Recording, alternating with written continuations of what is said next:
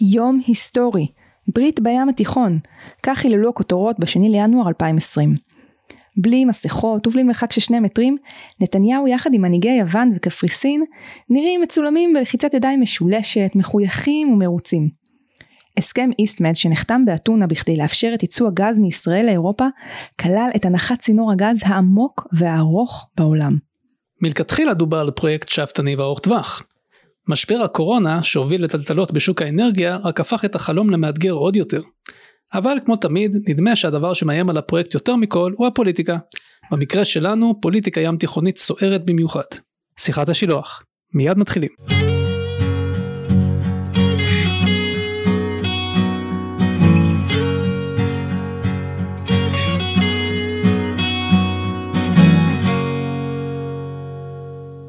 שלום, וברוכים הבאים לפרק השני של הפודקאסט, שיחת השילוח.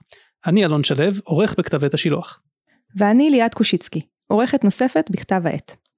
אלון ואני שוחחנו עם ניצן דוד פוקס, אנליסט גיאופוליטי, אודות המאבקים האסטרטגיים הגדולים שמנהלות טורקיה וצרפת, המעצמות הגדולות בים התיכון.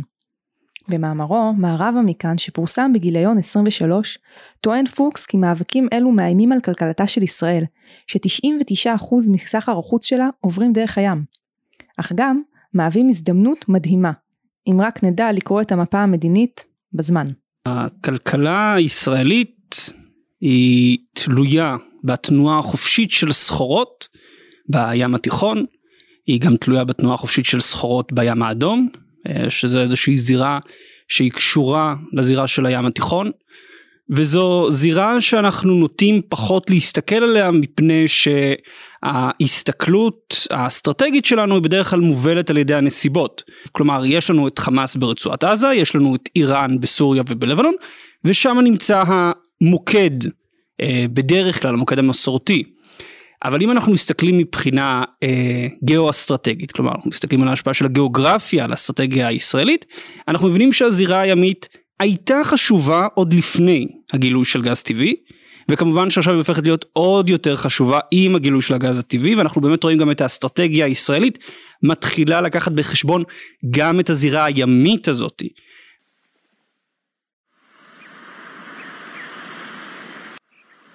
אז הים התיכון חשוב, אבל רובנו כנראה מדמיינים אותו כאזור שלו למדי. ספינות מסחר משטות בחופשיות לצלילי ציוצי השכפים וגלי הים השלווים. בפועל, המצב קצת שונה, והמגמה, טוען פוקס, מדאיגה.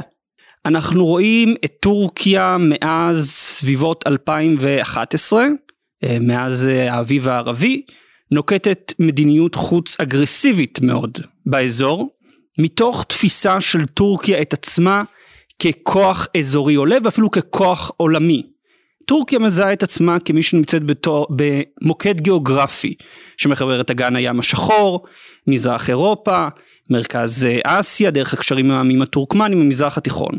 וטורקיה באה ואומרת אני מעוניינת לבוא וליצור אזור השפעה שלי באזור, להפוך להיות הכוח הדומיננטי. קודם כל יש לנו ספינות מחקר טורקיות, כלומר ספינות שנועדו לעשות סקירות אה, ססמוגרפיות בשביל לזהות שדות אנרגיה, נכנסות לתוך השטחים של קפריסין, מפריעות לקידוחי נפט וגז בקפריסין, נכנסות לתוך השטח, אה, הת... נכנסות לתוך השטח הטריטוריאלי של יוון בים, אה, תרגילים צבאיים בתוך שטחים ריבוניים לא של אה, טורקיה, לדוגמה שוב ביוון, אה, הסכם שנחתם בסוף 2019 עם הממשלה הלובית הלאומית שבעצם מחלק את השטח הכלכלי הבלעדי של יוון בין טורקיה ולוב. כן, הטורקים בעצם מחלקים שטח שהוא לא שלם עם ממשלה אחרת. עוד נחזור להסכם טורקיה-לוב בהמשך, אבל קודם כל, מעניין להבין את מקור המחלוקת בין טורקיה ליוון. מדובר במחלוקת ותיקה מאוד ולא מופרכת. יש ויכוח אה, והוא באיזשהו מקום גם ויכוח שמתבסס על איזושהי שאלה לגיטימית של מה צריך להיות התחום הימי של יוון. יוון מפני שיש לה המון איים גם בים התיכון גם בים האיגאי היא טוענת לשטח כלכלי מקסימלי והרצועת הים שנותרת לטורקיה היא מזערית. הטורקים מערערים על זה ומעוניינים בשטח גדול יותר הם מדברים על המולדת הכחולה, כן, על איזשהו שטח גדול יותר ימית של טורקיה, שנגזר מתוך התפיסה שלה ככוח אה, עולמי, כן, כאיזשהו הגמון אזורי, ולכן היא באה ופועלת מול יוון כדי לנסות ולכפות עליה את אה, אותה טענה, את אותה דרישה טורקית לשטחים שהם כיום שטחים של יוון. אבל זה לא דרישה חדשה. הדרישה הזאת קיימת המון זמן, המחלוקת קיימת המון זמן, אבל אנחנו רואים שמאז 2011 טורקיה, ארדואן לוקח גישה הרבה יותר אגרסיבית ביחסי החוץ שלו. טורקיה גם מצויה במחלוקת מתמשכת מול קפריסין, אודות השליטה בחצי האי הצפוני, והשליטה ברצועת הים שמסביבו. וכאן העסק מתחיל להסתבך. כי צרפת, המעצמה הימית הגדולה השנייה באזור, לא מחבבת, בלשון המעטה, את ההתערבות ההולכת וגוברת של טורקיה באזור. כדי להבין את מקומה של צרפת במשחק ותפיסתה העצמית וגם את המגבלות שלה, צריך לחזור עשרות שנים אחורה, עד לסיומה של מלחמת העולם השנייה. צרפת היא חיה מוזרה בסדר המערבי הליברלי. צרפת מעולם לא השלימה עם הדומיננטיות של ארה"ב כמנהיגה של הסדר המערבי. בזמן שמערב גרמניה הלכה עם ארצות הברית כדי לחזור למשפחת האומות, בזמן שבריטניה ראתה את היחסים עם ארצות הברית כדרך לשמור על הרלוונטיות שלה בזירה הבינלאומית, צרפת תמיד התעקשה להחזיק בעמדה אסטרטגית נפרדת, בעמדה צבאית נפרדת, פיתחה נשק גרעיני בנפרד מהאמריקנים, וצרפת רואה את עצמה עד היום ככוח אזורי ואפילו כוח עולמי שיש לו אג'נדה ברורה ויש לו אינטרסים ברורים ומנוגדים לפעמים לאלו האמריקנים. וכאשר הצרפתים מסתכלים על אגן הים התיכון, הם רואים פה שטח שהיסטורית יש להם מורשת רחבה בו, כן? אם זה בתוניסיה, אם זה באלג'יריה, אם זה בלבנון, אם זה בסוריה. יש להם אינטרסים כלכליים בו. אה, בלבנון, יש להם בלוב, שמה טורקיה אה, מפעילה גם כוחות בי... במקביל להפעלה של כוחות, אה, של תמיכה של צרפת בכוחות בלוב, ולכן מבחינת הצרפתים אגן הים התיכון הוא אזור אסטרטגי, שבו הם לא מעוניינים לראות מעצמה מתחרה, מעצמה עולה כמו טורקיה, לוקחת את הדומיננטיות של צרפת, הופכת להיות שחקן שמוציא את הצרפתים מהאזור.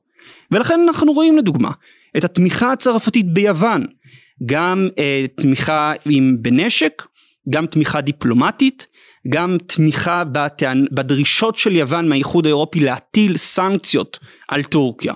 זה קורה? מוטלות סנקציות? הוטלו סנקציות אה, מוגבלות על אישים מסוימים בטורקיה. הבעיה המרכזית, ופה זה עוד פעם נכנס גם לנושא הזה של צרפת. צרפת ו... אה, התפיסה של צרפת את מקומה בעולם. צרפת רוצה לראות את האיחוד האירופי ככוח גיאופוליטי עצמאי ונפרד בעולם. צרפת רוצה לראות את האיחוד האירופי כשחקן שעומד בין ארצות הברית, רוסיה, סין שיש לו אג'נדה עצמאית. לעומת צרפת, גרמניה באה ואומרת תראה זה מאוד נחמד מה שאתה רוצה שאתה מדמיין כן את הגרנדור את הרפובליקה שמנהלת את העולם האיחוד האירופי קשה לו להגיע להסכמות אה, פוליטיות, כן, הסכמות כלכליות, הכוח הצבאי שלו לא מתאים, לא מספיק מאומן ולא מספיק מצויד, בואו לא נחפש מלחמות. מבחינת הגרמנים, כאשר טורקיה ויוון נאבקות זו עם זו בים התיכון, גרמניה באה ואומרת אנחנו מעוניינים לתווך בין שני הצדדים. מבחינת גרמניה האינטרסים הם ברורים, יש אינטרסים כלכליים מאוד ברורים בסחר עם טורקיה, כן, הם מעוניינים שהסחר ימשיך, יש תעשייה גרמנית, הם לא מעוניינים בצרות. מבחינת צרפת אבל האמירה של גרמניה שהיא מעוניינת לתווך בין מדינות בעצם באה ואומרת שיוון שהיא חברה באיחוד האירופי זה לא נותן לה שום מעמד מיוחד גיאופוליטית. וזה כמובן מסעיר את הצרפתים. אז הם תומכים בדרישות של יוון הם תומכים בדרישות של קפריסין להביא את האיחוד האירופי להטיל סנקציות משמעותיות על טורקיה.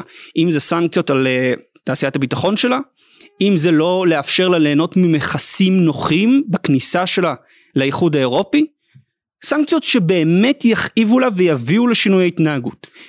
כרגע, לצערה של צרפת, גרמניה מסרבת אה, להחמיר את היחסים עם טורקיה, אבל בספטמבר 2021 מרקל עוזבת את השלטון, קואליציית שלטון חדשה כנראה תעלה בהובלה של הירוקים שהם יותר אגרסיביים מבחינת יחסי החוץ, כמה שאולי יפתיע אותנו אה, לחשוב, ויכול להיות שנראה שינוי. אבל כרגע כמו שאמרתי זה בעצם התסכול צרפתי מככה שהאיחוד האירופי לא בא ועוזר לאחת מחברותיו מול טורקיה. סמואל פטי est devenu vendredi le visage de la République. De notre volonté de briser les terroristes, de réduire les islamistes, de vivre comme une communauté de citoyens libres Dans notre pays. Le visage לפני כשלושה חודשים, סמואל פטי, מורה באחד מפרברי פריז, קיים שיעור אודות חופש הביטוי בצרפת. כדי להמחיש את הקונפליקט, הציג המורה איורים של הנביא מוחמד. כעבור מספר ימים נמצאה גופתו מוטלת על הכביש. הרוצח האכזרי, צעיר מוסלמי ממוצא צ'צ'ני, צילם את עצמו יחד עם ראשו הערוף של המורה. נשיא צרפת מקרון הוקיע בזעזוע את הבדלנות האסלאמית.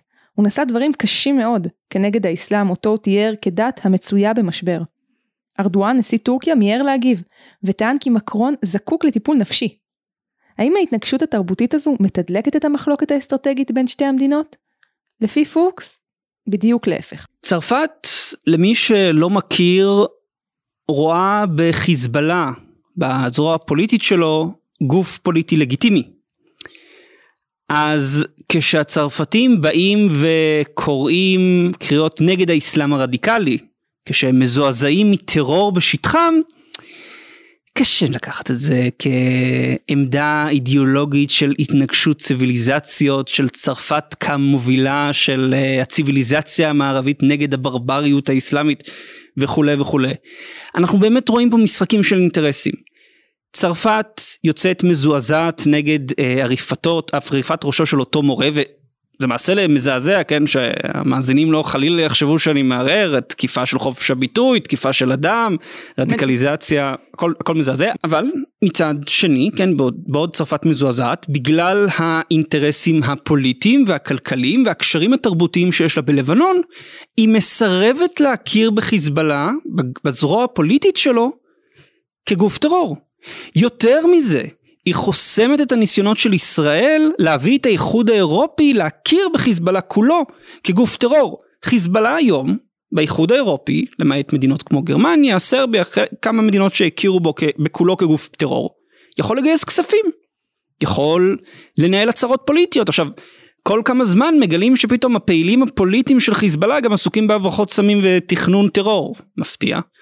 אבל קשה לכן לקחת את העמדה הצרפתית כאיזושהי הובלה של התנגשות ציוויליזציות, כשברור ורואים את זה באופן מובהק שאינטרסים כלכליים, אסטרטגיים, הם אלו שמנחים את המדיניות חוץ שלהם בפועל, במקרה שהוא כל כך מובהק, כן, של אה, הכרה ולגיטימיות של גוף טרור בזרוע הפוליטית שלו ולהעמיד פנים שיד ימין לא יודעת מה יד שמאל עושה או שהן לא קשורות לאותו גוף. טוב, אז איך כל זה משפיע על ישראל?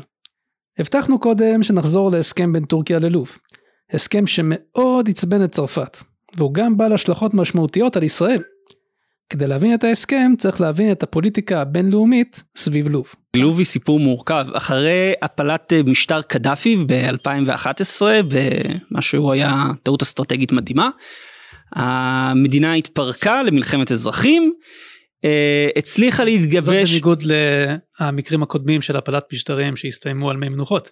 כן, כן, לא, תראה, לפחות נגיד כשהפילו את אה, ראש הממשלה האיראני ב-1953, איראן לא נפלה, רק קיבלנו אחרי זה את חמינאי ב-1979. אז יש ויש, יש סקאלה של כישלון. אבל לוב התפרקה במלחמות אזרחים, כן, מיליציות, אנרכיה מוחלטת, כל הנפט הושבת, פליטים זורמים, פליטים ומהגרים מאפריקה זורמים דרך לוב ישירות לאיטליה, דברים נפלאים. אה, האו"ם מנסה להתערב, אנחנו מגיעים לאיזשהו גיבוש, נרוץ, נרוץ, נרוץ. היום יש לנו שתי ישויות מרכזיות בלוב, יש לנו את הממשלה הלאומית במערב המדינה שנתמכת על ידי טורקיה, נתמכת על ידי אה, האיחוד האירופאי באופן כללי, נתמכת על ידי איטליה, ויש לנו במזרח את האספה הלאומית עם גנרל חפטר כמנהיג הצבאי של הכוח שלהם, שהוא נתמך על ידי איחוד האמירויות, מצרים, צרפת, רוסיה גם. אוקיי, כלומר יש פה מערך של כוחות משני הצדדים, ומה שכל הצדדים מחפשים כרגע זה שאחרי שהמצב בלוב, יחסית התייצב, זה לקבל גישה קודם כל לנפט ולגז, כן, לדוגמה, למה צרפת תומכת בממשלה במזרח המדינה? מפני שטוטל, חברת האנרגיה הצרפתית, רוב השדות שהיא מפעילה הם במזרח המדינה. אותו הדבר אגב עם איטליה, אני הצר... האיטלקית, כן, חברת הנפט והאנרגיה האיטלקית, מפעילה את רוב השדות במערב המדינה, כן, זה לא יותר מדי מורכב. אז קודם כל שליטה על, אה, על תפעול הנפט והגז, ולאחר מכן השגה של חוזים לבנייה מחדש של לוב, לוב בניגוד לסוריה יש לה נפט וגז, כמויות מאוד משמעותיות, אז יש איך לשלם על בנייה מחדש של לוב, בניגוד לסוריה, שהערכות מדברות על 100-300 מיליארד דולר שאף אחד לא יודע מאיפה הם יבואו, כל פעם אומרים הסינים הסינים, לא ברור למה הסינים ישקיעו במקום. לקבל אה, חוזים אז אנחנו רואים את הרוסים אנחנו רואים את הטורקים מתחרים עכשיו על חוזה בנייה והדבר השלישי שמעניין זה בעצם המיקום האסטרטגי של לוב. לוב נמצאת דרומית לאיטליה, איטליה היא בסיס נאטו מאוד חשוב, גם אה, לקוחות אה, ימיים, גם לקוחות אוויריים. היא כמובן מהווה שער חשוב לתנועה של מהגרים ופליטים אה, דרך ממערב אפריקה, ממזרח אפריקה לאירופה, וכמובן היא גם משפיעה על התנועה באגן הים התיכון, כן, אותה הסכם חלוקה בין טורקיה ללוב, אה, חלוקה של אזור, אה, של האזור הכלכלי של יוון. אז כל השחקנים האלו כל אחד מעורב בגלל האינטרסים שלו, כשהמטרה שלהם היא כרגע לשמור על הפיצול של לוב, כי לוב שהיא חלשה יותר אז היא לשחקנים זרים קל יותר להתנהל בה, מעוניינים בגישה למשאבים היקרים שלה וכמובן להציב אה, כוחות. אני לא אופתע אם בשנה שנתיים הקרובות אנחנו נשמע על נמל ימי רוסי חדש בלוב אחרי שיש כבר אחד בסוריה והכריזו על אחד בסודאן. וכמובן אה, הטורקים ממשיכים להציב כוחות בלוב, הולך להיות מעניין שם. לכאורה טורקיה לא פועלת באופן ישיר נגד ישראל במישור הימי, אבל האדוות של המאבק האסטרטגי הלוב מגיעות הישר לאסדות הגז הישראליות. זרימת הגז הישראלי למזרח אירופה תלויה בו הרבה יותר מכפי שהיינו רוצים. נכון, טורקיה נוקטת בעיקר בצעדים תוקפניים נגדנו בזירה הדיפלומטית יותר. עם התמיכה שלה בפלסטינים, עם uh, הגינויים הנשנים שלנו על, על הפעילות שלנו מול הפלסטינים, אבל חשוב לבוא ולהבין שישראל מושפעת ישירות מהפעילות הטורקית מול יוון וקפריסין. הכדאיות של צינור האיסטמד שעלות ההתקנה שלו רק מוערכת בכמיליארד דולר תלויה בהאם קפריסין תוכל לפתח את שדות הגז שלה. היא תוכל לפתח את שדות הגז שלה אם טורקיה תאפשר לה. היכולת שלנו להעביר את הצינור תלויה בהאם יוון תהיה לה את השליטה על אותה רצועת שטח, האם טורקיה תאפשר זאת. כלומר בזמן שהתוקפנות הטורקית לא מאיימת עלינו ישירות, כן, ספינות טורקיות עדיין לא מאיימות על ספינות חיל הים הישראלי, ברור שהפעילות האגרסיבית של טורקיה מאיימת על פיתוח שדות הגז במזרח הים התיכון, ובאופן גדול יותר מאיימת על החופש האסטרטגי של ישראל. כי טורקיה מנסה לכפות עלינו את הסדר שלה, את האג'נדה שלה.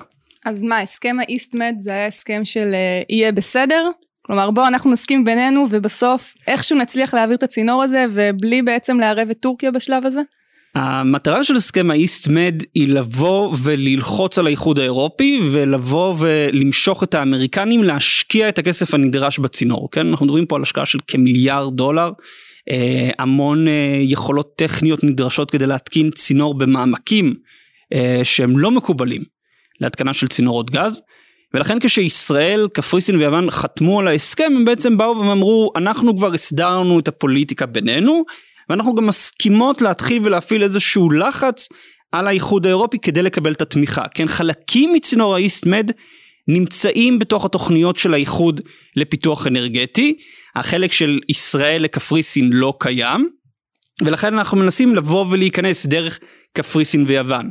יש גם את העניין הזה של היחסים המאוד טובים של ישראל עם מדינות מזרח אירופה, הונגריה, צ'כיה, פולין, אוסטריה, שהן אמורות להיות הלקוחות המרכזיים של הגז הישראלי. וכאן תמונה הזדמנות אליה חותר פוקס. אל ההסכם כדאי להתייחס רק כצעד ראשון בשיתוף פעולה אסטרטגי, כלכלי, חברתי וצבאי. אותו צריכה ישראל להוביל יחד עם יוון וקפריסין. במקום לעמוד מהצד ולחכות לצרפת ולאיחוד האירופי, אשר האינטרסים שלהם לא תמיד זהים לאלו של ישראל, פוקס טוען שעל ישראל ליצור מוקד כוח חדש משלה, ושהדבר תלוי בעיקר בנו. אולי הדבר הכי משמעותי שיכול להפריע לזה לקרות זה ההתמקדות הישראלית בבעיות פנים והיעדר היכולת שלנו לנהל יוזמה מקיפה בשביל באמת להביא את הברית הזאת לכדי מימוש. כי כדי ליצור את ברית המיעוטים הזו אנחנו צריכים דיאלוג אסטרטגי רציף עם שתי המדינות. אנחנו צריכים אה, תוכניות להעברה של נשק כמו שדיברתי שם שניתן לרסן בקלות את טורקיה אם נעביר את הציוד. אה, הסכמים ביטחוניים, תרגילים משותפים, שיתופי פעולה בתחום הטכנולוגיה, כלכלה, כל הדברים שפירטתי במאמר, כל הדברים האלו דורשים יוז, יוזמה, דורשים הנחיה ממשלתית, דורשים אה, פיקוח, אה, פיקוח ובקרה על ידי הקבינט, ולצערנו, מדינת ישראל לא כל כך טובה ביוזמות גדולות לאורך זמן, יש לה לפעמים את הרגעים שלה, אבל בדרך כלל אנחנו מובלים בזירה הבינלאומית, הדוגמה הדיאלוג האסטרטגי הנוכחי שיש לנו עם יוון וקפריסין, הוא ביוזמתה של יוון. Mm. כלומר, אנחנו באנו והצטרפנו. ומה שקורה כאשר אנחנו לא נכנסים, ובאים ועוזרים לשתי המדינות הקטנות יותר, כן, יוון יכול שהיא אולי גדולה יותר מאיתנו מבחינת אה, אוכלוסייה, אבל היא קטנה יותר מבחינת אה, כלכלה, קפריסין כלכלה בשני, קטנה גם בכלכלה וגם באוכלוסייה, אז נכנסות מדינות אחרות. כמו צרפת לדוגמה, שלה יש אינטרס ברור להביא את יוון וקפריסין אליה, כדי להיות איזה שהן מדינות כחלק מהמחנה הצרפתי. יש לנו כניסה של רוסיה, שרואה פה במתיחות הזאת הזדמנות להשפיע גם על טורקיה, גם על האיחוד האירופי, כשכמובן האינטרס הרוסי זה לראות את הגז המזרח תיכוני או נשאר בקרקעית הים, או נמצא תחת השפעתה. אז אנחנו לא יוזמים ושחקנים אחרים כמובן פועלים בכל הזמן הזה ויכול להיות וזה משהו שיכול לצייר אותי שבעוד שנתיים שלוש יתהווה סדר אזורי שבו יוון וקפריסין עם צרפת ואיטליה לדוגמה באיזושהי ברית אסטרטגית, טורקיה ורוסיה מנהלות תרגילים ימיים, וישראל נותרת בחוץ, מסתכלת מן החוץ פנימה אל כל הסדר האזורי הזה. ומה לגבי הסיכונים? האם ישראל באמת רוצה לפתוח חזית נוספת מול טורקיה? לא, אבל... אז לסיכום, אתה אופטימי או פסימי? אני תמיד אופטימי כי אני יהודי. אי אפשר להיות פסימי. ואנחנו רואים, האזור הזה, האזור שלנו נמצא עם אתגרים משמעותיים, והשאלה זה לאיפה אנחנו לוקחים את האתגרים האלו, כן, אתגר מעיד על ככה שהאזור נמצא בשינוי. כמו שאנחנו יכולים להעיד, 70 השנים האחרונות הסדר האזורי לא היה יותר מדי בעד ישראל, כן, מדינות ערב החרימו אותנו, מדינות אירופה לא יותר מדי הכירו בחשיבות הביטחונית שלנו להן, היינו איזושהי מדינה אה, מצורעת בשוליים. עכשיו, כשכל מערך הכוחות העולמי משתנה, כן, כשמדינות ערב מנרמלות איתנו יחסים, כאשר טורקיה עולה אה, ככוח אה, אגרסיבי, כאשר האיחוד האירופי מחפש את דרכו בעולם שבו ארה"ב פחות מתעניינת בביטחון שלו, אז המעמד שלנו עולה, ואנחנו יכולים או ליזום ולקחת את האתגר ולהפוך אותו להזדמנות, או לפספס והאתגר יהפוך לבעיה שנצטרך לטפל איתה בה אחר כך. אז אני אופטימי, אני אופטימי שאם מדינת ישראל וכמובן הציבור המשכיל יבוא וידרוש מהנציגים שלנו לא רק להיות עסוקים בעניינים הפוליטיים הפנימיים אלא, רגע, אלא רגע גם להסתכל על התמונה הגדולה, אני חושב שנוכל לבוא ולנצל את האתגרים האלו ולבנות סדר אזורי שהוא טוב לישראל. נסיים אם כן באופטימיות של מזרח תיכון חדש. אם תרצו לשמוע עוד ניתוחים מרתקים של ניצן דוד פוקס על הנעשה בעולם, אתם מוזמנים להאזין לפודקאסט שלו, המשחק הגדול. אני הייתי אלון שלו. ואני הייתי ליאת קושיצקי. תודה לאהרון זיידמן על ההקלטה והסאונד, ונתראה בפרק הבא של שיחת השילוח.